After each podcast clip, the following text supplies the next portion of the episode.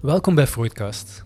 Deze week krijgen jullie de laatste aflevering van deze reeks te horen, of toch de laatste aflevering waarin ik in gesprek ga met psychoanalytici.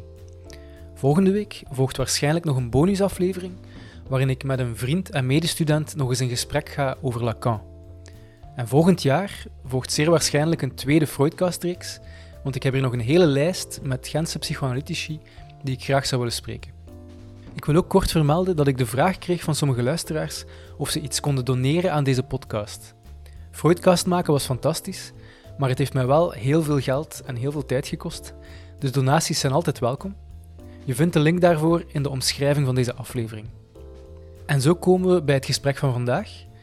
Deze achtste aflevering is een heel mooie afsluiter van de reeks geworden. Ik ga in gesprek met psychoanalytica Veronique Knokkaert over hoe Freud de psychoanalyse heeft ontdekt en uitgewerkt, waarbij onder meer de verleidingstheorie, het nut van de sofa, het Oedipuscomplex en het principe van de vrije associatie aan bod komen. Op het einde van de aflevering geeft ze ook nog fantastisch advies mee voor studenten die ooit analyticus willen worden en ook voor luisteraars die om een andere reden een analyse overwegen. Ik zou haar oorspronkelijk spreken in haar praktijk, op de twaalfde verdieping van een appartementsgebouw, maar daar ontdekten we dat mijn microfoons door de grote hoogte de plaatselijke radiozender oppikten. Om die reden zijn we uitgewijkt naar een picknickbank in een openbaar park. Je hoort in deze opname dus ook soms vogels, kinderen en andere omgevingsgeluiden, maar volgens mij zorgt dat alleen maar voor meer sfeer. Veel luisterplezier. Voilà, dag Veronique. Uh, welkom bij Freudcast. Dank u. Ehm, we nemen dat deze keer op een zeer originele plek op. Mm -hmm. we zitten hier eigenlijk een beetje in een park, denk ik. ja. uh, dat is wel tof aan zo'n podcast. Um, ik uh, was zeer blij dat ik u kon spreken. En mm -hmm. een van de redenen was natuurlijk ook dat we het gingen hebben over Freud. En dat in een podcast genaamd Freudcast, dat dan natuurlijk zeer tof is dat er ook een aflevering is over Freud. Het zal wel zijn. Ja. ja. Um, en in die zin dacht ik te beginnen met eigenlijk de vraag hoe dat je zelf ooit voor het eerst in contact gekomen bent met Freud en de psychoanalyse. Want dat is onlosmakelijk maar met elkaar verbonden eigenlijk. Mm -hmm. hè? Ja, ja, uh, zonder Freud geen psychoanalyse. Nee, voilà. Nee, ja. Hoe, hoe zet jij ooit, is dat dan via je studententijd of zo? Of? Ja, ik, voornamelijk. Hè, uh, om nu te zeggen van, ja, de, de eerste keer dat, dat, ik van Freud hoorde, dat zou ik misschien denk ik nog niet helemaal kunnen repareren, maar ik denk de belangrijkste eerste ontmoeting met, met het denken van Freud was, was tijdens de eerste kan uh, van de opleiding psychologie. En dat was toen in de les die gegeven werd door uh, Philippe Gerardijn. Die gaf uh, geschiedenis van de psychologie. En die, die, die gebruikte dat vak eigenlijk om veel over Freud te spreken. Die, had toen, die gebruikte toen het boek, oh, wat was dat nu weer? Freuds Psychologie van het Oordeel, denk ik, is de titel van dat boek. Uh, en dat gaat eigenlijk ook wel in uh, op de vroege Freud, eigenlijk. Hè, waar ik dan uiteindelijk zelf later ook wel veel mee bezig geweest ben. En het, dat was heel bijzonder, omdat hij heel enthousiast kon spreken over Freud. Hè, het was duidelijk dat hij Freud heel graag zag en die, die, die kon daar met heel veel passie over spreken. En dat was eigenlijk wel voor mij een, een uh, belangrijk dat dat vak in die opleiding was, want ik, dat, dat, er was daar toch een verschil hè, tussen dat vak en de andere vakken die, die er waren voor mij. En ik denk dat dat te maken heeft met een soort de, het soort vragen die je in de psychoanalyse mocht stellen. Uh, die zijn eigenlijk groter. Hè. Dat gaat over, uh, ja, wat is dat eigenlijk, de psyche? wat drijft de mens? hoe zit dat nu met dat onbewuste?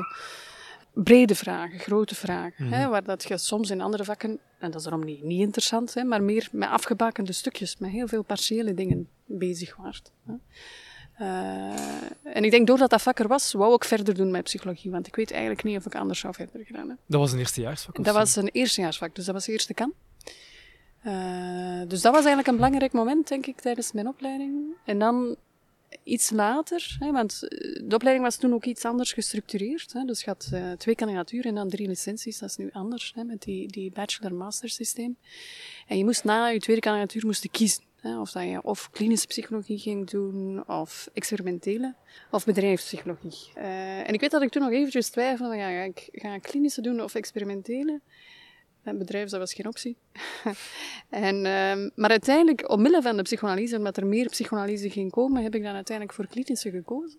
En eigenlijk wel, wel een geluk, omdat dan eigenlijk de tweede um, belangrijke ontmoeting met de psychoanalyse, dan heb ik nog het geluk gehad om nog een paar lessen te hebben van Julian Kwakkelbeen. En daar was, was het eigenlijk heel um, verwarrend. Hè. Ik, ik, herinner me dat we, dat op een gegeven moment kregen we een, uh, een vak, nee, kregen we een les over, over de um, Lacan, Lacan zijn theorie over de, uh, de seksualiteit, hè, met de, de seksueringsformules, hè, en de, de mannelijke positie, de vrouwelijke positie. En die, die, die leuze van uh, Lacan, de vrouw bestaat niet. Ik herinner me dat ik zat in het auditorium en dat ik dacht, hoezo, de vrouw bestaat niet? Wat wil dat nu zeggen? Uh, ik vond dat heel verwarrend. Hè. Ja. Nu, dat was tegelijkertijd ook het jaar waarin dat wij wel wat opgekoterd werden om maar na te denken waarover wij eigenlijk onze thesis wouden doen. En voor mij was dat dan zo, ah ja, ik, ik wil daar iets over doen. Ik wil iets rond vrouwelijke seksualiteit doen. En ik weet dat ik toen uh, uh, heel verwoed allerlei artikels ging, ging uh, kopiëren in de bibliotheek. en dat ik daar mijn, mijn identiteitskaart verloren was in het kopieermachine. En ik denk puur de, de, verwarring met die, die stelling van de vrouw bestaat niet.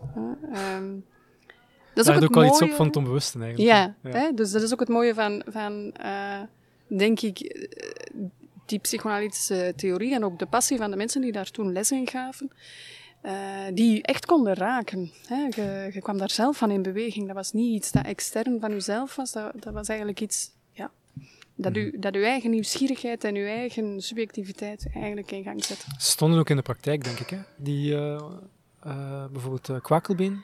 Ja, hè, die, ja, die had zijn eigen praktijk. Filip had ook zijn eigen praktijk. Ehm, ja, de meeste. Hè? Maar natuurlijk de verhouding. Uh, allee, moet je dat zeggen? Uh, de, ik denk dat, dat er toch ook een aantal mensen nu hè, op de vakgroep ook een stuk eigen praktijk hebben. Maar de verhouding daarvan is, dat zijn eigenlijk, uh, dat is iets anders dan iemand die een fulltime praktijk doet, bijvoorbeeld. Hè. Dat is iets dat men als het ware doet naast mm -hmm. het academisch werk.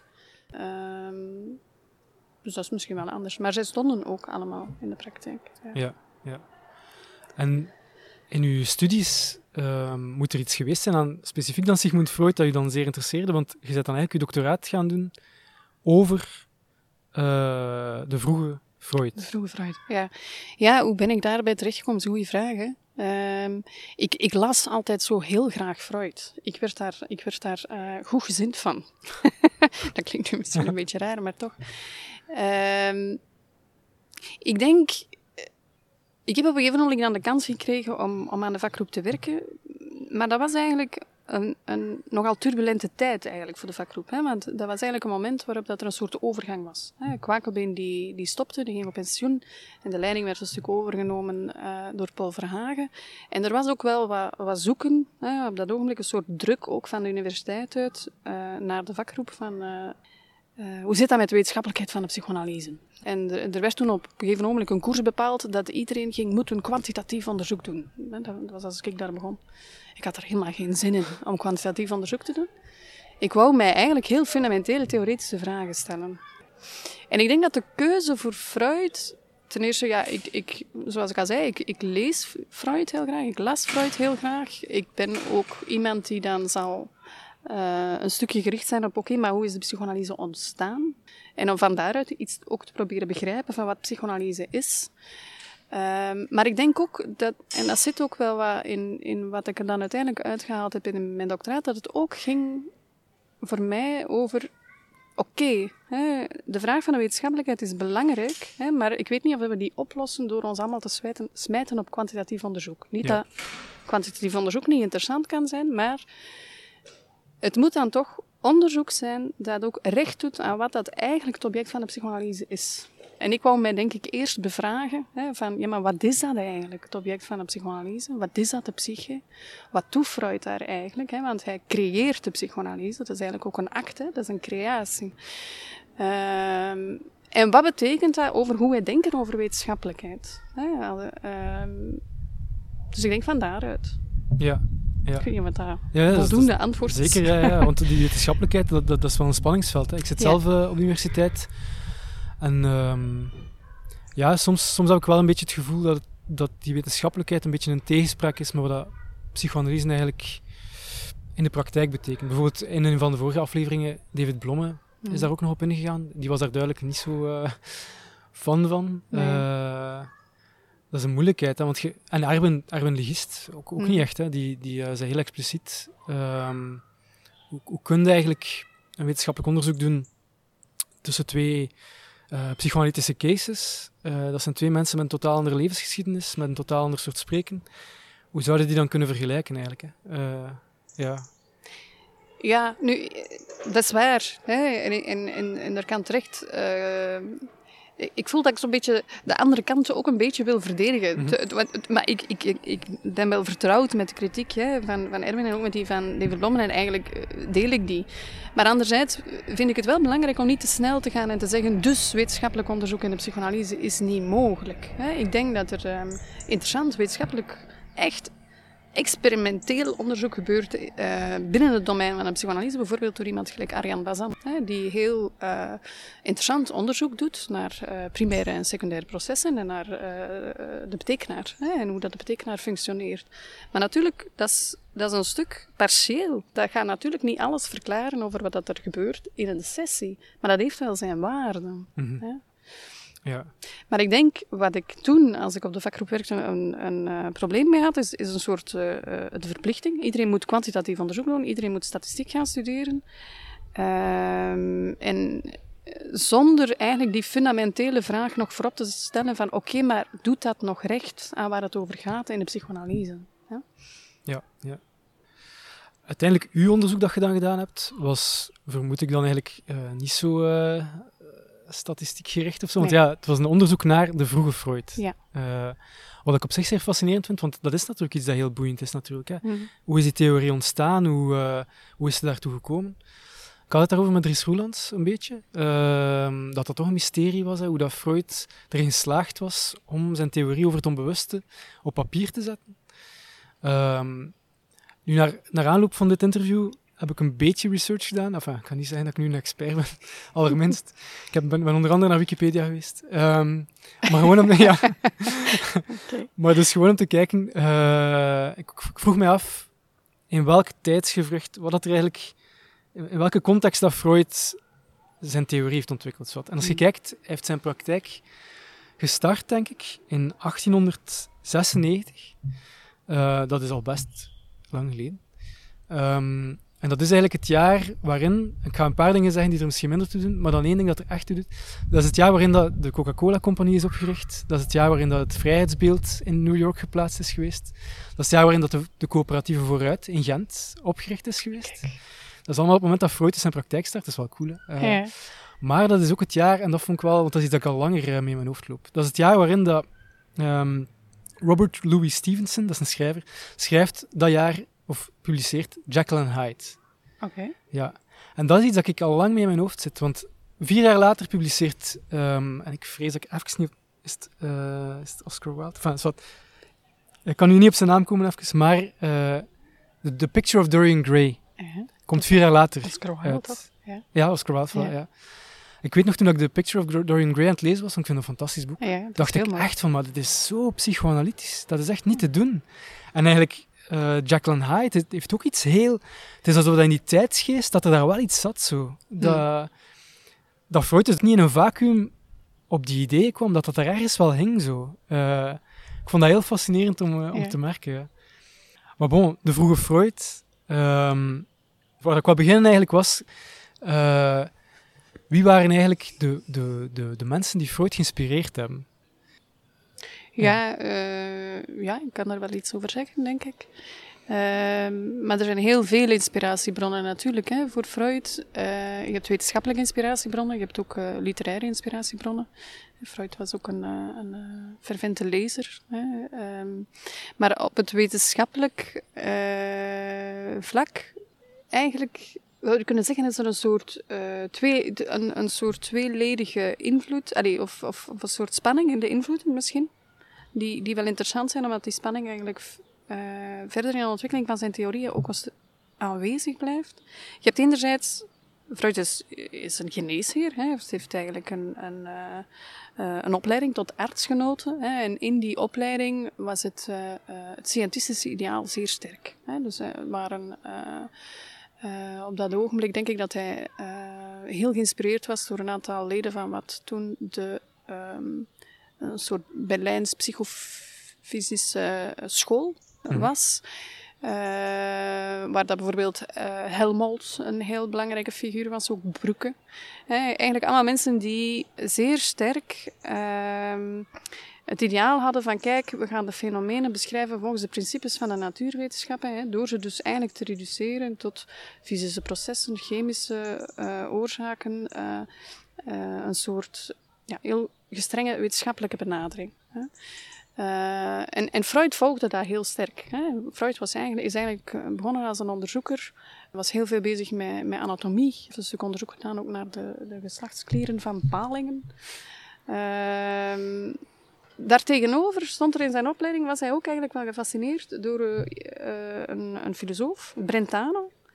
En Brentano was toch wel een beetje anders dan eh Helm, Helmholtz en Brugge, in die zin dat, dat dat iemand was die wel aan het eh, psychische een zekere zelfstandigheid wou toekennen. Wat Helmholtz en Brugge absoluut niet wilden. En Freud was heel, heel benomen eigenlijk ook door die, die filosoof. Hè. Heeft daar veel mee bezig geweest. Dus hij heeft eigenlijk die twee hè, in invloedssferen eigenlijk. Voordat hij nog, dat er nog sprake is van dat hij eigenlijk met, met, met kliniek of met hysterische patiënten ging werken, zijn dat een beetje de, de invloeden. Nu, op een gegeven ogenblik werd hij naar, ging hij naar Parijs en ging hij eigenlijk in een idee van oké, ik ga onderzoek doen naar de anatomie van kinderhersenen. Maar dat, dat, onderzoek raakte eigenlijk in het slop. En hij uh, ontmoette daar Charcot, die, die op dat ogenblik een heel belangrijke rol speelde in de Salpêtrière. En die eigenlijk bezig was met hypnose, hè, als een soort onderzoeksinstrument om de hysterie, als het ware, in een, in een uh, soort categorie te krijgen. En wat was de hysterie? Um, voor Charcot, ik zou kunnen zeggen, Charcot was ook bezig met hysterische patiënten die plots verlammingen hadden waarvoor eigenlijk geen enkele uh, um, neurologische of, of, anatomische oorzaak kon gevonden worden onmiddellijk. Hè. Dat, dat klopte gelijk niet. En hij gebruikte eigenlijk de hypnose om dat te onderzoeken. Hè. En hij ontdekte van eigenlijk kan ik dat induceren. Hè. Via hypnotische uh, suggesties kan ik verlammingen, induceren, maar ook wegnemen. Mm -hmm.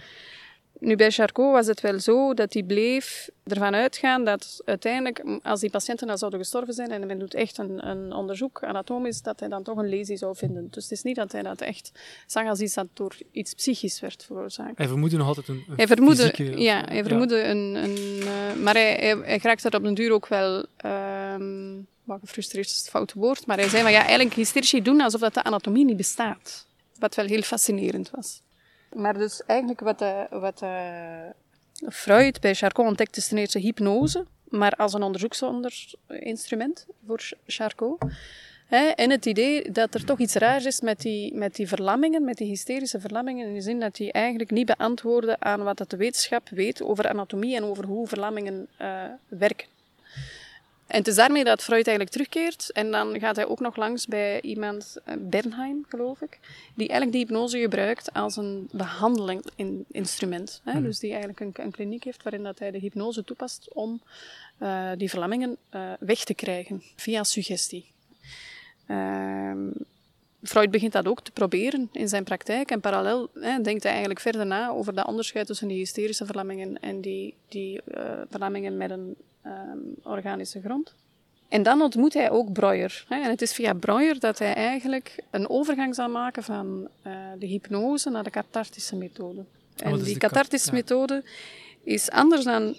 Eigenlijk was Freud niet goed in hypnose. Die kon dat eigenlijk niet zo goed. Um, en dat lukte niet. En ik denk dat hij ook, hè, door dan eigenlijk in gesprek te gaan met Breuer, hè, dat was toen eigenlijk een huisarts in, in Wenen, die had ook een praktijk en die, die vertelde hem over het werken met een, een, een vrouw, Anna O, is, is een gekende mm -hmm, hè, gevalstudie, uh, um, is eigenlijk de, de van de studies over hysterie. En uh, had eigenlijk ontdekt van ja, als ik die, als, als die aan het spreken is hè, en als ik die, die de eerst, als die als het ware vertelt over haar symptomen en die vertelt over het eerst voorkomen van die symptomen, dan verdwijnen die symptomen. Ehm, en er is een soort wisselwerking tussen hem en uh, Freud en er is een soort systematisering eigenlijk van die methode. Waarbij dat men ervan uitgaat van oké, er, zijn symptomen die hebben een oorsprong. Die oorsprong is, is, heeft eigenlijk te maken met een trauma. Hè. Uh, en dat gaat eigenlijk over een gebeurtenis die onvoldoende is kunnen afgereageerd worden. Omdat men niet in de toestand was waarom dat men daar kon op reageren of omdat men dat niet wou. Hè. Dus ze, ze zorgen eigenlijk voor een soort systeem waarbij dat, dus ten eerste, hè, die Stertje werd wel gehypnotiseerd en dan werd er in hypnose gevraagd wat dat het eerst voorkomen van het symptoom was. In het idee van als ze dat dan uitspreken met voldoende affect, dan wordt dat toch afgereageerd hè, en dan kan dat symptoom verdwijnen. Daar zitten een aantal veronderstellingen onder. Hè. Er zit de veronderstelling onder dat ehm, dat het werkelijk ontoegankelijk is. Datgene dat eigenlijk uh, de oorzaak is van de verlamming. Dat, dat die daar niet zonder hypnose bij geraken. Dat dus de hypnose noodzakelijk is. Maar een ander belangrijk element is inderdaad het spreken, het uitspreken. En dat dat eigenlijk therapeutisch werkt, is dat het in, in woorden gevat wordt, dat het uitgesproken wordt ten aanzien van iemand anders. Wat eigenlijk de kern is van wat het werk nu nog altijd is. Nu, dat was Anna O. met Breuer, hè, waar dat Freud wel ergens bij betrokken was, maar het was eigenlijk Breuer die de behandeling deed van Anna O. En dan Freud, eigenlijk al die, de, de, de gevallen die Freud zelf eh, naar voren brengt, blijkt dat, dat dat eigenlijk niet marcheert voor hem, die cathartische methode, en eigenlijk vooral niet omwille van de hypnose. En eigenlijk ook omdat die vrouwen hem zelf zeggen van, ga een keer niet stoppen met proberen van mij te hypnotiseren, of ga een keer stoppen met van alles te vragen, laat mij gewoon spreken. En Freud stemt daar wijselijk mee in. Uh, en komt eigenlijk tot de eigenlijke psychoanalytische methode, die, die de vrije associatie is. Dus hij vraagt aan uh, die vrouwen van te vertellen wat er in hen opkomt. En van niets te censureren. En dan uh, zegt hij wel, zie je in dat spreken eigenlijk verschijnen waarover het gaat. Nu, dat heeft implicaties natuurlijk, want dat wil zeggen dat het wel toegankelijk is, maar via, als het ware via een soort omweggetje. Je kunt niet zeggen dat, ze, dat, dat, dat, dat weten bij zijn, bij zijn analysanten klaar lag, dat, dat ze dat bewust bezaten, dat weten. Dat weten verschijnt in het spreken, in de verhouding die ze hebben uh, met Freud. En dan uiteindelijk komt hij uh, een stuk tot uh, die methode van de vrije associatie, die dan eigenlijk als techniek aan de basis ligt van het ontstaan van de psychoanalyse. Was de SOFA daar ook al meteen aan gekoppeld? Of, uh... Um, de sofa. Ik, Freud heeft van alles in het begin. Hè. Ik bedoel, dat was, dat was eigenlijk een beetje pionierswerk ook. Hè. Dat, in dat opzicht is dat eigenlijk ook wel heel, heel interessant. Um, de sofa is, was er al wel, denk ik, maar misschien niet op dezelfde manier als dat die dan later werd gebruikt. Hè. Um, in het begin werkte hij ook met massages en met baden en met weet ik, weet ik wat allemaal. Hè. Uh, en ik geloof dat in die eerste periode hij ook werkte met een zogenaamde druktechniek. Hè. Dus dat hij eigenlijk een eh, zijn hand legde op het hoofd van uh, zijn analysanten om te zeggen, je moet zeggen wat er in je, op, wat er in je opkomt. Dat gebeurt nu niet meer, eigenlijk. Nu de vraag van de sofa, ik weet niet, misschien vraag je het om, omdat je iets anders wil vragen. Ja, het, is, het, het is al, ik zit al uh, heel die podcast eigenlijk met de vraag, waarom de sofa eigenlijk? Waarom de sofa? Ja, um, Freud spreekt daar op een gegeven moment over. Hè, en eigenlijk waarom de sofa verschillende redenen. En het is een andere opstelling. Je zei uh, Freud zal op een gegeven moment heel prozaïs ook zeggen van dat hij dat eigenlijk niet verdraagt van heel de, heel dagen aangekeken te worden door zijn analysanten. Dat, dat, eigenlijk, uh, dat hij dan te veel zijn gezicht in de plooi moet houden en dat hij niet wil dat zijn reacties te veel invloed hebben op wat dat de mensen zeggen, bijvoorbeeld voor mijn eigen, hè, dus ik, ik werk eigenlijk ook nog altijd met een sofa en ik, ik vind dat een zeer uh, interessant instrument, of een hulpmiddel. Ik denk dat het ook iets, iets, um, iets verandert op de sofa is er een ander spreken. Dat gebeurt daarom niet door de sofa. Hè. Maar op de sofa is er een ander spreken. Mensen uh, leggen zich neer, zijn minder bezig met zich recht te houden, zijn minder bezig met hoe jij uh, reageert.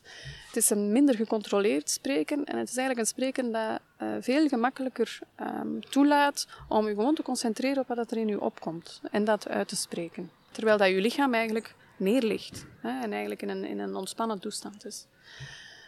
Nu, de sofa, niet iedereen die bij mij komt, uh, belandt de facto op de sofa. Dat is eigenlijk ook een, een, uh, ik weet eigenlijk niet zo goed hoe dat bij Freud was, want nu dat ik daar zo luid op over nadenk, denk ik van ja, misschien deed hij dat van in het begin, maar nu is dat eigenlijk niet meer zo. Hè? Mhm. Eh, in die zin dat je wel een soort fasering hebt in het, in het werk. Hè? Mensen komen, ehm, komen toe, hebben een vraag, eh, weten daarom helemaal niets van de psychoanalyse, zijn daar meestal ook niet mee bezig, tenzij dat het studenten zijn die, hè, die, die ergens eh, in een opleiding al iets van psychoanalyse gehoord hebben. En je neemt eerst de tijd eigenlijk om te horen, oké, wat brengt er u hier? Dat is ook meestal een van de eerste vragen. Vertel eigenlijk hier, hè, spreek. Ehm, je neemt ook de tijd om, om iets uit te leggen, eigenlijk. Ik- Want dat doe ik wel. Niet iedereen doet dat even systematisch. Hè, maar er is altijd een moment dat ik ergens iets uitleg over hoe ik werk. En dan spreek ik eigenlijk al wel over de divan. Ik zeg eigenlijk verschillende dingen. Ik, ik, eh, spreek eigenlijk ook al een stuk over het onbewuste, daarom niet zo heel direct, hè, maar ik, ik, eh, ik zeg iets over dromen, ik zeg iets over de lapsus, ik zeg eh, iets over het lichaam. Belang van te spreken over het lichaam ook. Hè. Ehm, je zou kunnen zeggen, ehm, het lichaam, de lapsus, de dromen zijn eigenlijk fenomenen waar dat het onbewuste zich sneller laat horen. Hè, die, die eigenlijk ehm, hulpwegen zijn om te komen tot wat dat er eigenlijk iemand onbewust beweegt. Of wat dat er eigenlijk onbewust meespeelt in het lijden waarin dat eigenlijk iemand vast kan zitten. En Ja. wat maakt dat die bij u komt. Hè. Ehm, maar dat zijn eigenlijk verkennende gesprekken. Dat zijn eigenlijk de preliminaire gesprekken, Dat zijn ja, verkennende gesprekken, hè, de eerste gesprekken. En, en na die eerste gesprekken, als je dat is, dat is ook een stuk een kader dat je schetst, dat is ook afspraken die je maakt rond eh, de frequentie. Hè. Eh, psychologie is een hele intensieve therapie. Ideaal komen mensen drie keer in de week, meer als ze dat nodig hebben.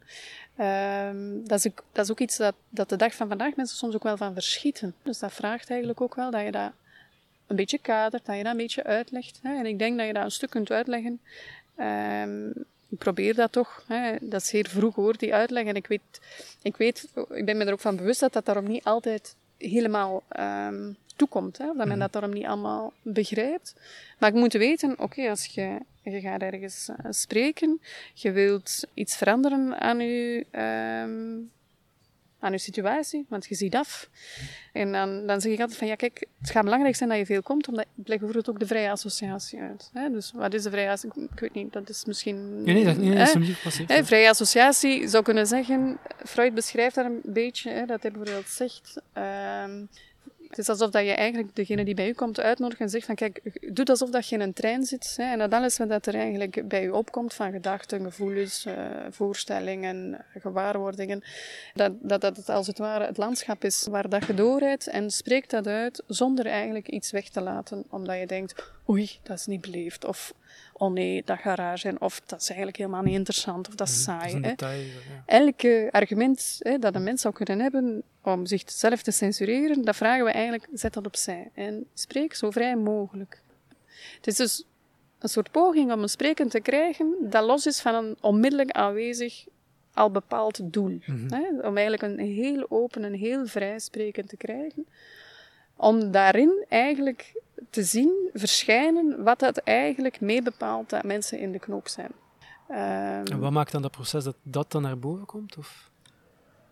Omdat je eigenlijk stem verleent aan iets dat daar sowieso al bezig is. Eigenlijk vraag je aan je, aan, je geeft stem aan uw, aan uw psychische processen. Aan datgene dat in u eigenlijk sowieso ehm, al aanwezig is. In uw dromen, in uw dagdromen, in, in wat er in u, u te binnenvalt, in wat dat je denkt eh, dat niet belangrijk is. Ehm, eigenlijk zeg je van, probeert eventjes de controle los te laten en, en dat te laten verschijnen. Hè, En dan kunnen we dat bekijken. Want daarin zit eigenlijk een- een stukje het antwoord op waar dat je mee worstelt. hè. Ehm, nu, als je wil werken met de vrije associatie, is het eigenlijk wel belangrijk dat mensen regelmatig komen. Anders krijg je heel snel een soort spreken dat, is, dat een, een, een, een gesloten spreken is. Een soort verslag van wat er in de tussentijd gebeurd is. Een soort synthetisch iets van ja, dan was er dat en dan was er dat. En- Controleer er ook. Hè, en heel, heel gecontroleerd, afgebakend. hè, eh. en eigenlijk wil de psychologie daar voorbij geraken. Hè. Eh, nu dat een verslag niet interessant kan zijn, hè, maar eigenlijk eh, gaat het daar niet over. Eh, ehm, het gaat over het spreken. Spreek. Hè. Ehm, dus dat is een van de redenen waarom dat ik het belangrijk vind dat mensen frequent komen. En een andere is eigenlijk dat eigenlijk, eigenlijk analyse is ook een stuk een gevecht. een gevecht tussen een willen weten en een niet willen weten. Een gevecht tussen een stuk lijden, uh, van een stuk lijden vanaf willen en aan een stuk lijden vasthouden. Het genot eigenlijk. Ja. ja. En als je dat in beweging wilt krijgen, dan is het belangrijk dat, dat eigenlijk dat men frequent genoeg komt. Omdat als je niet frequent komt, zijn het in staat om dat buiten je sessies te houden. Omdat je de dingen eigenlijk gecontroleerder kunt houden. Je bent in staat om in je sessie te vertellen over wat er allemaal gebeurd is en wat dan nog, zonder dat je eigenlijk ehm, een keer op een moment komt dat je uh, ja, de dingen niet meer onder controle hebt. Hm. Nu, doordat dat dan niet in de sessies komt, eh, loopt een beetje het risico dat dat eigenlijk heel groot wordt, eh, maar op een manier dat je er totaal geen zicht op hebt. En dat is dan dikwijls een punt waarop dat mensen ook afhaken. Zonder dat je eigenlijk goed weet waarom. Hè. En soms met de beste redenen. Hè, dat mensen zeggen, ja, maar het is goed, ik voel mij beter, hè, eh, het is oké. Mhm. En dan ga je blijven met het gevoel van, ja, maar ja, eigenlijk zijn we nog ergens niet geraakt. Ehm, maar als mensen veel komen, ik zeg dat ook, ik zeg ja, als je veel komt, gaat er een moment zijn dat je toekomt en dat je, dat je niet anders kunt dan zeggen van ja, maar ik had eigenlijk geen goesting om te komen, of ik vind het lastig om te komen, of er is iets blijven hangen van de vorige keer en ik vond dat niet. Hè? En dat men eigenlijk er bijna niet meer. Men kan er altijd buiten. Hè? Ik bedoel, maar dat het moeilijker wordt om, de, om uh, die weerstand buiten de sessies te houden. Ja, ja. En dan wordt het interessant, want die weerstand is eigenlijk net interessant. Hè? Want die weerstand hangt samen met datgene dat eigenlijk uh, maakt dat je vastzit. Uh, daar, spelen, daar speelt dezelfde dynamiek. Uh, en doordat je er wel moet over spreken, dat het ook um, in de sessies verschijnt, dat het ook in de overdracht, in de band die je hebt met, met je analyticus of met je analytica kan verschijnen, kan je het leren ondervragen. Maar wat is dat hier nu eigenlijk? waarom stel ik mij te weer? Ja, ja, ja. En kan je ook ontdekken hoe dat, dat uh, samenhangt met datgene waar je mee worstelt. Maar ook kan je zien hoe soms uh, de weerstand verschijnt net voor het moment dat je eigenlijk een nieuwe laag aansnijdt. Hè? of iets over iets, niet, over iets uh, moeilijks moet beginnen eigenlijk. Dus daarom willen van de frequentie. Ik ga nog terugkeren naar de sofa's. Hè? Ik ga er geraken. Dus dat, dat, dat zijn de dingen die je een stukje kan kaderen, die je een stukje kunt uitleggen. Dat is niet dat je les geeft, hè, maar je, je kunt dat eigenlijk wel zeggen. Um, dat komt voor een stukje binnen, dat komt voor een stukje niet binnen. Hè, omdat dat ook heel vroeg is in een, in een uh, proces. En dan is er inderdaad een soort een preliminaire fase waarop dat je eigenlijk een stuk uh, aan het werk bent al. Hè. Uh, het is niet dat dat niet werken is. Maar waar dat een beetje de vraag zal worden van, oké, blijft dat hier een stuk uh, meer therapeutisch, in de zin dan van meer gericht op het vinden van een oplossing voor uw probleem. En uiteraard zoeken we een oplossing voor een probleem.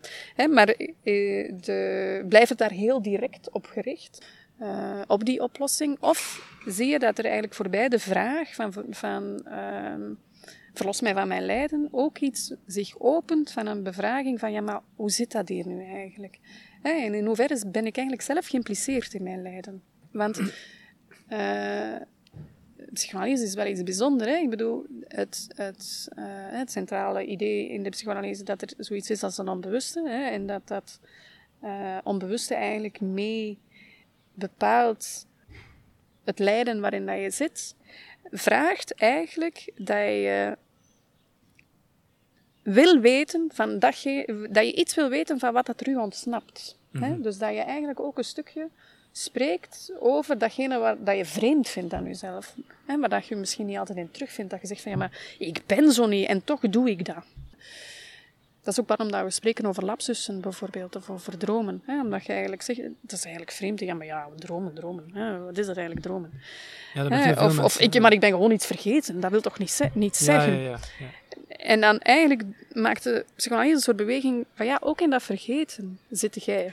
En op het ogenblik dat je merkt dat iemand, dat die opening ontstaat, hè, dat men een stuk verantwoordelijkheid wil nemen voor datgene dat, dat u ontsnapt, dat je vreemd vindt, en dat men dat, dat bevraagd wordt, dat is eigenlijk het moment waarop je een stuk kunt beginnen denken, oké, misschien kunnen we een passage maken naar die van. Dat is één element. Een, een, een tweede element die voor mij meespeelt in het uh, beslissen van, oké, ga ik dat nu doen? Ga ik nu zeggen, uh, de volgende keer werken we met een divan? Hè, want dat is, eigenlijk een spannend moment hoor, ook voor een analytica.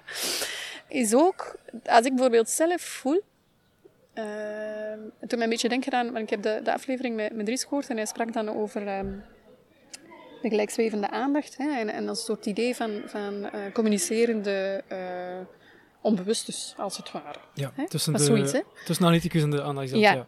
ja. En, en ik zou kunnen zeggen, een, een ander element dat voor mij meespeelt, is dat, je als, dat ik zelf voel van, tja, ja, er is iets in dat spreken van, van uh, die persoon, uh, resoneert met iets van mij. Hè, met, iets onbewust. Dat is daarom niet een, een concrete inhoud hoor. En dat gaat ook niet over een soort gelijkenis van we zijn hetzelfde. Nee, helemaal niet zelfs. Hè, maar dat je voelt dat je in wat dat je zegt, of in hoe dat je tussenkomt, dat daar iets spreekt. Van je eigen verlangen en van je eigen onbewust eigenlijk ook. Dat is, ook, dat is een tweede element. Hè. En een, een, een, derde element, voor mij ook dikwijls meespeelt, als ik zo aan het denken ben van ja, oké, goed. Uh, is het, dat er iets in het spreken van de analysant geëxpliciteerd wordt van de overdracht. En, maar dat kan van alles zijn. Het kan zijn dat men uh, droomt plots over de sessie, hè, of over, over, over de analytica, of over analyse, of wat dan ook. Dus dat er iets verschijnt in die droom plots, dat voorbij uh, een soort dynamiek gaat waarbij dat iemand zegt, ja, ik kom hier spreken over mijn leven en mijn leven is hier buiten. Hè, maar dat het plots gaat ook over een spreken over wat dat er eigenlijk gebeurt in de analyse zelf. Ja, ja. En dat dat expliciet wordt, want uiteraard is dat van in het begin daar, maar het is het moment waarop het in het spreken verschijnt die belangrijk is voor mij. En dat zijn zo die drie elementen, allee, wat heb ik nu gezegd, ja, die, die opening naar een soort, een, uh, een op zich nemen van wat dat er u ontsnapt. Hè, een, een opening ook van, van uh, wat, dat je, wat dat je spreken stuurt of stuurt in een analyse. Uh, die, die resonantie met ja. iets van mijn eigen verlangen. En uh, dat expliciteren hè, van, van de overdracht in het spreken. En dan is er voor mij zoiets van, oké, okay, nu is het moment. Ja, ja, ja. nu, dat klinkt allemaal heel doordacht. Het is niet dat dat allemaal zo in een, in een stappenplan zit. Dat is ook een soort organisch proces. Maar als ik daarover nadenk voor mezelf, van ja, maar wanneer doe ik dat eigenlijk? Hè? Of, of wat, wat is daar voor mij belangrijk? Dan zijn het die elementen. Ik vind ook dat het echt iets mag zijn. De die van... Uh, in het werk. De overgang ook. Een soort symboliek zo. Uh, het, is een, het is een moment. Hè? Ja. Het, is een, het is een act. Het is niet zomaar iets. Het is niet vanaf de eerste sessie, ja, smijt u maar op een divan. Uh, of het is niet van ah, vandaag een keer wel en morgen een keer niet. Uh, het, is, het is iets. Ja, ja, ja. Dat is, Huguette Raas, um, dat is ze niet in de podcast zelf, dat is ze achteraf. Maar ik vroeg haar toen effectief naar de sofa. En, ze, en ik vroeg waarom dat daar, dat daar um, de, hoe moet ik dat zeggen, dat, dat de zetel waarin dat iemand zit, aanvankelijk in de preliminaire gesprekken, waarom dat die zetel dan daar stond en die sofa dan daar. En ze zei, ja, dat is ongeveer één stap. En voor mij is dat een symbolische stap. Ja, ja, de symbolische stap naar de sofa dat iemand dan doet. Zo. Van dat was gewoon, ja. Ik wil daar ook op inpikken, omdat je zegt dan, bij sommige mensen gaat het wel mm -hmm. met de sofa werken, bij sommige mensen niet. Dat koppelt eigenlijk ook naar de vroege Freud, eigenlijk, maar ook naar, naar een, een case, zou je kunnen zeggen, van iemand die ik ken. Um, want wat dat, vaak, wat dat Freud ontdekte, dat heb ik toch gelezen in het begin, toen dat hij begon te werken met de Vrije Associatie, was dat mensen soms niet meer wisten wat zeggen. Zo. Of leken niet meer te weten wat zeggen. Of, of in stilte eh, vielen. Ik kan dat ook koppelen naar het nu, in die zin... Ik ken iemand die, die mij sprak over zijn analyse, waar dat hij uiteindelijk dan ook mee gestopt is. Um, maar dat was wel heel boeiend hoe dat hij het zei. Hij zei, ja, ik, ik, uh, ik wist daar nooit wat zeggen. En ik zei dan tegen hem, maar ja, wat, wat dacht je dan als je daar dan lag en je zei niks? Oh, dat weet ik zeer goed, zei hij. en dan is dat tegen dus mij... er viel wel iets te zeggen. Ja. En dan is dat tegen mij beginnen vertellen. En dacht ik, ah, maar misschien is dat wel iets wat je misschien... Dat was interessant geweest als je daarover gepraat had. Maar bon, dat is zoiets... Dat, um, de weerstand toont zich ook in de stiltes die vallen. Ik merk dat ook bij mezelf. Hè. Soms denk ik, als ik aan het praten ben in analyse, en, en ik stop en ik vind niet meer wat gezegd. Zeker in het begin van mijn analyse, in de eerste jaren of zo, was dat frustrerend en dacht ik, wat ben ik hier dan aan het doen? En, Maar mhm. nu weet ik zeer goed dat op die momenten, dat is het moment dat er iets zeer fundamenteel zich aandient of zo. Ja. Ja. Uh, ja, inderdaad. Maar nu, het is helemaal niet gemakkelijk. Hè? Wat, wat, wat je eigenlijk vraagt van iemand die in analyse is, om op die manier te spreken. Hè? En in het begin zal dat, zal dat heel vaak ook iets in, eh, op toneel brengen. En dat is eigenlijk ook belangrijk. Hè? Maar zo van, ja, maar wat wilde dat ik zeg? En waarbij dat onmiddellijk al iets van de, van, van de neurose zich toont. Hè? Want de vraag is, vertel wat dat er u te binnen valt. En onmiddellijk is, ja, maar wat wil de ander dat ik zeg? Hè, wat, wat, moet ik hier zeggen dat, dat het goed is? Sommige mensen vragen, ja, maar doe ik het goed? Ben ik, ben ik goed bezig? En dat kan soms zodanig verlammend zijn voor iemand in het begin, dat, dat, die, dat die dat ook heel moeilijk vinden. Hè? Dat dat zo verpletterend is, hè? Dat, dat dat veel tijd en veel geduld nodig heeft. En veel samen zoeken. Oké, hoe kunnen we dat spreken hier in gang zetten? Daar zijn ook geen handleidingen voor. Hè? Dat is een kwestie van, ja, zoals ik al zeg, geduld, het telkens opnieuw uitnodigen. En, en, uh, um, en, dan, en dan is het heel mooi om te zien, en soms kan dat lang duren hoor. Je hebt mensen die daar mee weg zijn, maar je hebt mensen voor wie dat, echt een, een, een probleem is.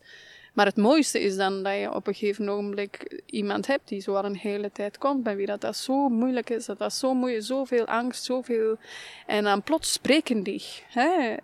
Um, en is niet dat dat een lineair iets is, hè, want dan is dan een sessie dat ze spreken en de volgende sessie eventueel niet meer, maar toch, er is daar iets verschenen.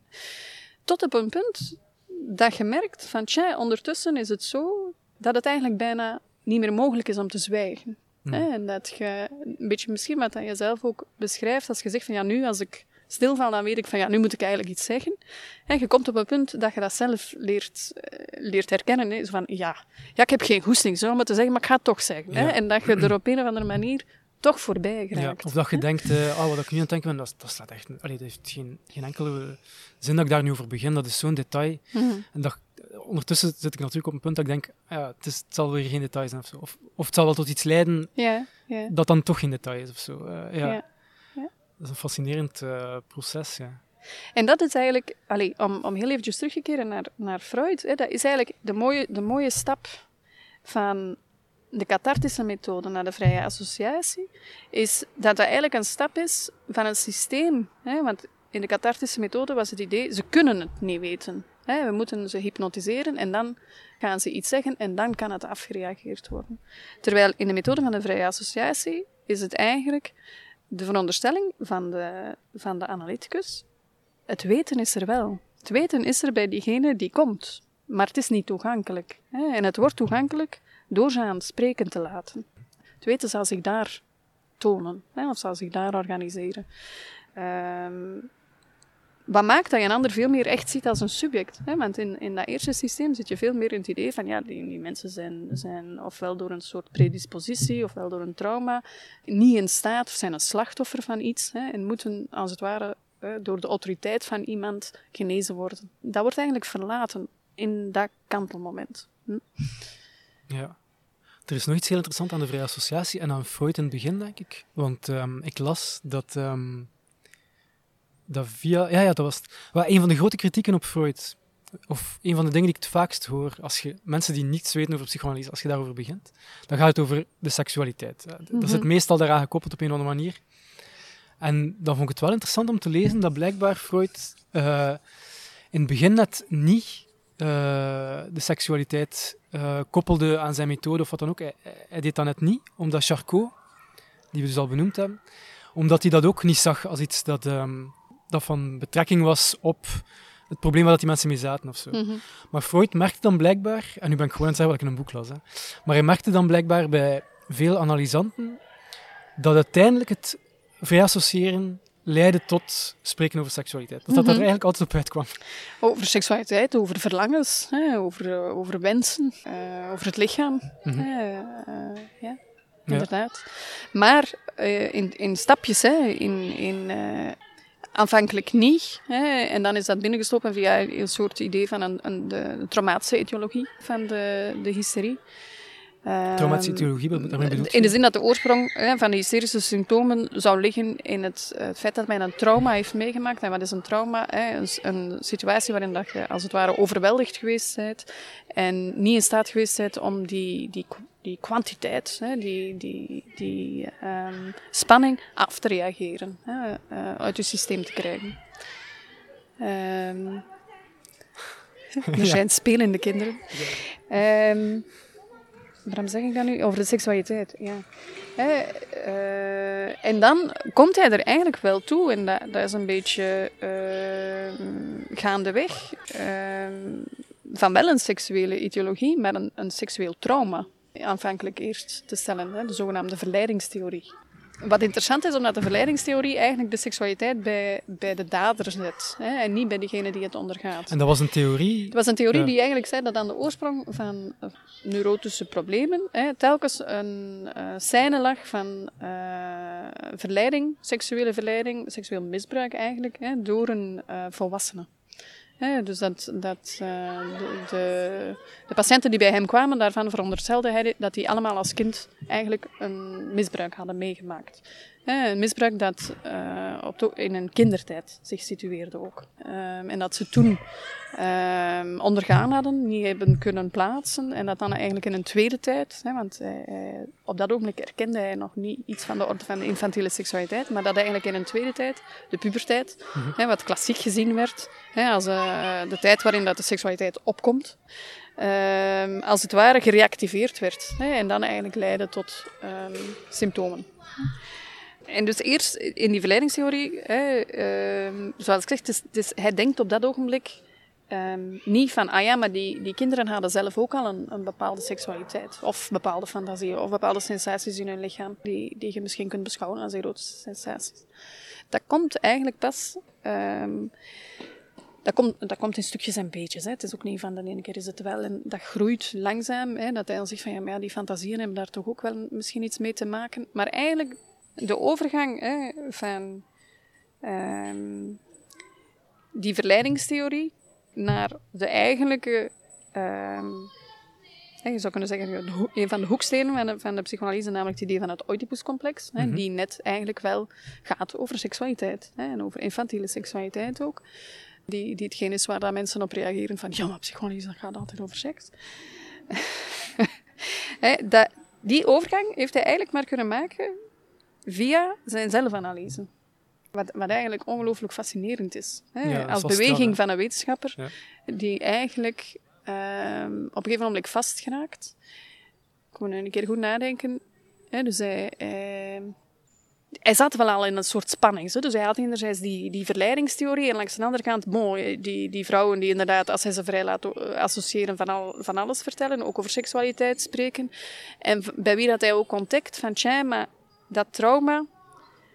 Hè, want het idee van, een, van dat verleidingstheorie was ook zo, ja, er is een trauma en die symptomen die komen rechtstreeks voort uit dat trauma en het is eigenlijk ook dat trauma dat de symptomen bepaalt. Als je daarover nadenkt, abstract, ik ga nu misschien wel weer een beetje te abstract worden, is eigenlijk denkt hij dan van, ja, eigenlijk is, dat, is, is die, die patiënt hè, passief onderworpen aan dat trauma hè, en, en is die niet zelf um, um, een, een actief, uh, levend uh, systeem dat zelf iets interpreteert en vorm geeft. Het is eigenlijk um, bijna een soort object. Hè. Er, er, er, er, um, er, gebeurt iets en de uitkomst is bepaald door dat trauma. Hè, niet ja. door het subject. Ja. Nu, maar hij geraakt met, dat, met die opvatting, die eigenlijk ook vooral nog iets vooruit van die invloed van uh, um, die scientistische idealen. Hè, die, daar raakte hij wel wat mee in de knoop, omdat, hij, omdat het grappige was, ook in, in al die vrije associaties, is dat hij botste.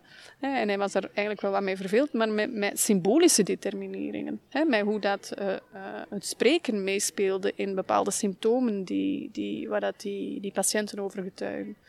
Het voorbeeld waar ik nu bijvoorbeeld aan denk is, is iemand, een, een vrouw die sprak over een borende pijn tussen haar ogen. Hè, en die, die, hij laat haar daarover spreken en uiteindelijk komt het dan terug hè, op een, uh, een scène waarin dat ze zich hè, doorborend voelde aangekeken worden door haar grootmoeder, bijvoorbeeld. En waarbij dat je eigenlijk een, een talige brug hebt tussen wat dat er traumatisch was en, en wat dat het symptoom was, het ja, borende, ja, ja. Hè, wat ook in het Duits hetzelfde woord heeft. Maar hij was daar eigenlijk wat mee verbeeld in het begin, want dat, dat is iets anders, hè, want dat betekent op het ogenblik dat het gaat als het talige, hè, als symboliseringen zo hard meespelen, dan is er een interpretatie. Hè, en dan gaat het ook over de, de meerduidigheid van de taal. Uh, en dan gaat het over een subject dat kiest, dat, dat een bepaalde betekenis kiest, daarom niet bewust doordacht, hè, maar iets hè, blijft plakken bij dat subject of niet. Mm-hmm. Omwille van de geschiedenis die dat subject heeft, bepaalde voorkeuren, bepaalde uh, dingen die, die aanspreken, die niet aanspreken. Dus dat, die, die spanning was er al, Hè, maar hij, heeft eigenlijk hij raakte daarmee in de knoop. Dan heeft hij een, een, hele grote subjectieve crisis gehad. En die eigenlijk ook een stuk getriggerd was door de, de dood van zijn vader. Hè? Dus uh, um, dat was helemaal het einde van de um, 19e, 19e eeuw, 18, 1897, denk ik. En dan zegt hij van ja, ik zit, ik zit vast op dat ogenblik. En dat, want je vroeg helemaal in het begin de invloeden. Een heel belangrijke invloed is Vlies, Willem Vlies. Mm -hmm. Een uh, Berlijnse neuskeel- en oorarts. waarmee Freud eigenlijk een heel intense vriendschap uh, had opgebouwd. En hij correspondeerde veel met hem. En dat, dat, is eigenlijk heel boeiend om te lezen, al die brieven die, die Freud uh, schreef naar Vlies. Maar hij, hij getuigt dus ten aanzien van Vlies over, over ja, ik zit vast en ik raak er niet. En het, het, klopt er eigenlijk iets niet aan al mijn theorie. En, en, maar ik, heb, ik voel mij ook depressief en leeg en, en het gaat niet. Hè. En op dat ogenblik is hij ervan overtuigd dat om vooruitgang te boeken in zijn theorie over de psyche, dat hij moet zichzelf onderwerpen aan dezelfde methodiek hè, als die hij eigenlijk gebruikt met zijn patiënten. En dat is een ongelooflijke beweging ja, hè, die hij eigenlijk maakt op dat ogenblik. Het is ook een onmogelijke beweging. Dus, maar hij probeert zichzelf te analyseren. Dus hij staat stil bij zijn dromen, bij, bij zijn gemoed, bij wat er hem te binnenvalt. In dat proces, hè, uh, waar dat Vlies ook erg, ergens een belangrijke rol speelt, omdat hij naar hem toe daar dingen over schrijft. Je kunt niet echt zeggen dat Vlies zijn analyticus is, maar Vlies stond voor Freud wel op die positie van um, le sujet supposé savoir. Hè, diegene aan wie dat hij eigenlijk een weten toeschreef. En op een gegeven moment in dat werk botst hij erop en zegt van ja, ik geloof dat er eerst een tijd is waarin hij zegt, ik geloof ze niet meer. Ik geloof het niet. Ik geloof, ik geloof niet dat, dat het dat is. Ik geloof niet dat er daar bij elk, elk een van al, hè, die, die, die bij mij kwam spreken, dat die eigenlijk dat er daar een scène van infantiel seksueel misbruik ja, is. Dus dat dat zo systematisch is. Ja, ja, um, en hij zegt, ja, dat gaat niet. Het klopt niet. Uh, maar dat is natuurlijk ook vervelend, maar tegelijkertijd was hij wel hij was aan bezig met zijn, met zijn eigen analyse. En uiteindelijk komt hij erop en zegt, ja, maar ja, hè, wat dat ik eigenlijk ontdek, hè, is dat wat dat er speelt, iets van de orde van een infantiele seksualiteit is. Hè. Een infantiele seksualiteit, waar dat hij bij zichzelf ontdekt van, ja, eigenlijk wou ik mijn vader dood en eigenlijk hè, uh, had ik um, begeerte voor mijn moeder, hè, als kind. En dat is eigenlijk een ongelooflijk kantelpunt. Ja, en dat is ook indrukwekkend trouwens, dat hij, uh, dat hij dat bij zichzelf kan uh, ja. vinden en... en want normaal zouden denken, dat zit enorm veel weerstand. Uh, ja, ja. Ja. Um, ja, dat was het originele, het oorspronkelijke van Freud. Nu, hij geeft op een gegeven moment ook wel zelf aan, dus hij, heeft, heeft, dat gedaan, hij heeft dat ook gezegd hè, aan, aan Vlies. Uh, en hij heeft daar dan eigenlijk een hoeksteen van zijn theorie van gemaakt, hè, van het Oedipuscomplex. En, en dat werd dan de verklaringsgrond, hè, of de, de basis om te gaan nadenken, wat is neurose, is Hè, wat is psychopathologie, wat zijn symptomen? Niet meer die verleidingstheorie. Ja, hè? En het ging dus meer over het verlangen van de mensen. En de Oedipuscomplex, wat, wat houdt dat dan in? Of, uh, want dat is zoiets, iedereen kent wel dat woord, maar wat het inhoudt is nog iets heel anders. Hè? Uh. Wel, het, hoe dat hij het in het begin uh, uitdacht, hè, is het idee van oké, okay, er is een, in de kindertijd een moment waarop dat... En aanvankelijk sprak ik eigenlijk enkel over jongetjes hoor.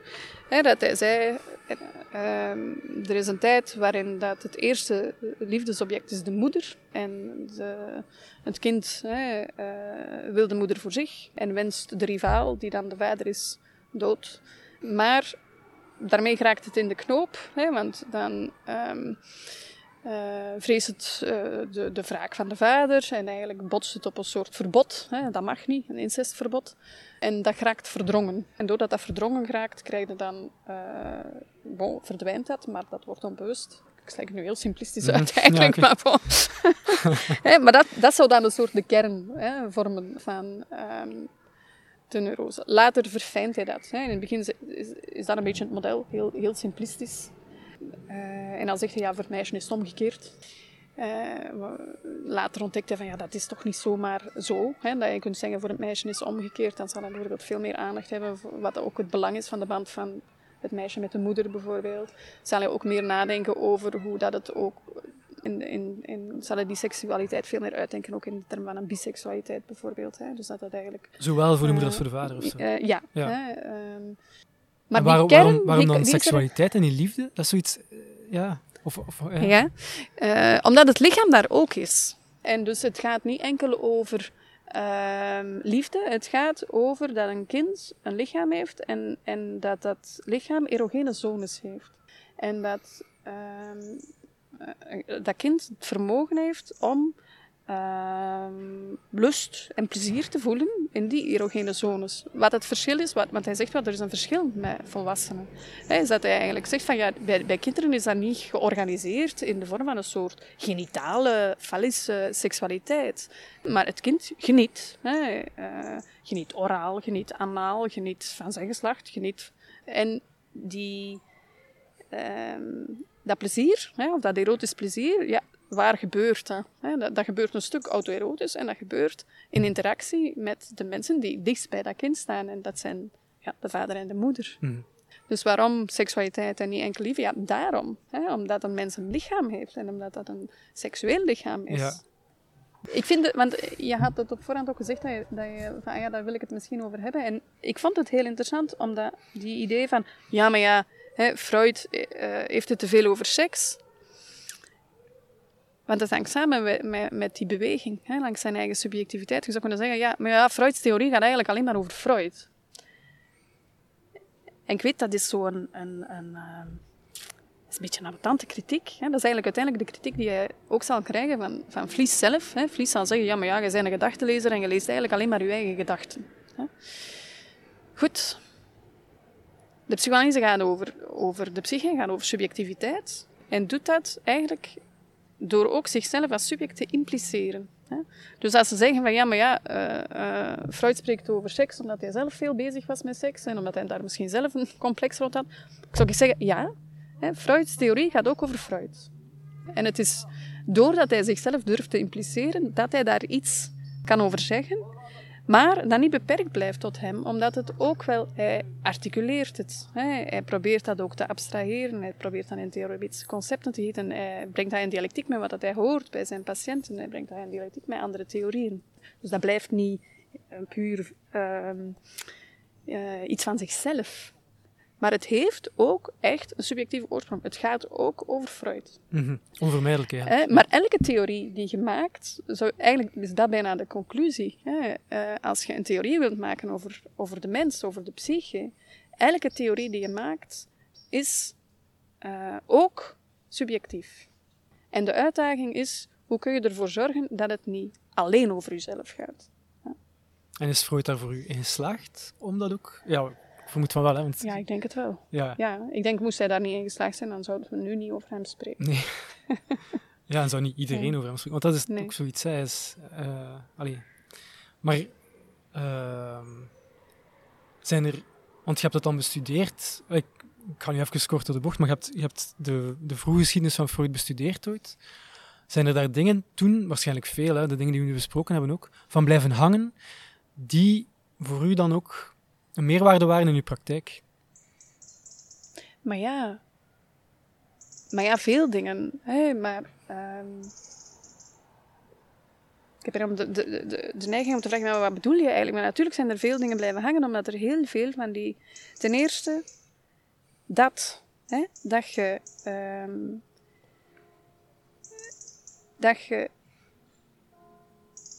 Als je dit soort werk wilt doen, en als je dus eigenlijk wil werken met mensen met een psychisch lijden, als je die aan het spreken zet, dan en je vormt jezelf daarin, dan moet je dat serieus nemen. Dat die, dat die theorie, dat dat een theorie is waar dat jij niet buiten staat. Je, er is geen splitsing tussen dat is het object uh, waar ik een weten over heb en ik sta daar buiten. Nee, zo werkt het niet ik ben ook hetgene hè, waarover dat, dat object gaat. En wat ik kan, kan articuleren van een weten, hè, zal steeds ook um, passeren via ik, wie ik ben als subject, via mijn eigen subjectiviteit. Dat betekent dat je dus je niet veilig kunt zetten en zeggen, ja, maar mijn patiënten, dat zijn mijn patiënten, maar ik ben iets anders. Nee. Ja. Of, of um, dat vreemde, dat gaat over, over die, dat gaat niet over mij. Dat is, dat is, een, dat is een eerste belangrijke iets denk ik. Ten tweede, als je dat serieus neemt, want het is niet voldoende om te zeggen, ah ja, ja, hè, tuurlijk, hè, uh, het is subjectief. Hè. En ik zeg mijne en jij zegt uw en zo va, hè. Uh, uh, Nee, het is belangrijk dat je een bepaalde gestrengheid hebt. Hè? Dat je dat ook durft te expliciteren. En dat je ehm, die beweging doet. Die, die beweging die eigenlijk gemakkelijker is voor ons dan dat ze was voor Freud. Hè? Want Freud probeerde het op zichzelf, maar eigenlijk is dat een onmogelijke zaak. Maar dat je zelf in analyse gaat. En dat je dus... Soms komen mensen toe en dan zeggen ze... Ja, ik, ik heb een, een goed buikgevoel. Hè?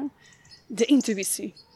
Ik heb niets tegen de intuïtie. Mhm. Maar als jij een goed buikgevoel hebt, dan wil ik dat je de verantwoordelijkheid neemt om je buik heel goed te kennen. Oké, jij voelt dat zo, maar laat ons dat nu een keer echt ondervragen. Hè? En, en waar kun je dat ondervragen? In, in je analyse. Hè? Waar dat je eigenlijk eh, zelf dat werk aangaat. Hè? Van, van eh, te zien waar dat je zelf gekneld zit. Hè? Waar dat er zelf dingen zijn die je niet wilt weten. Waar je zelf vasthoudt aan een bepaald lijden en waarom.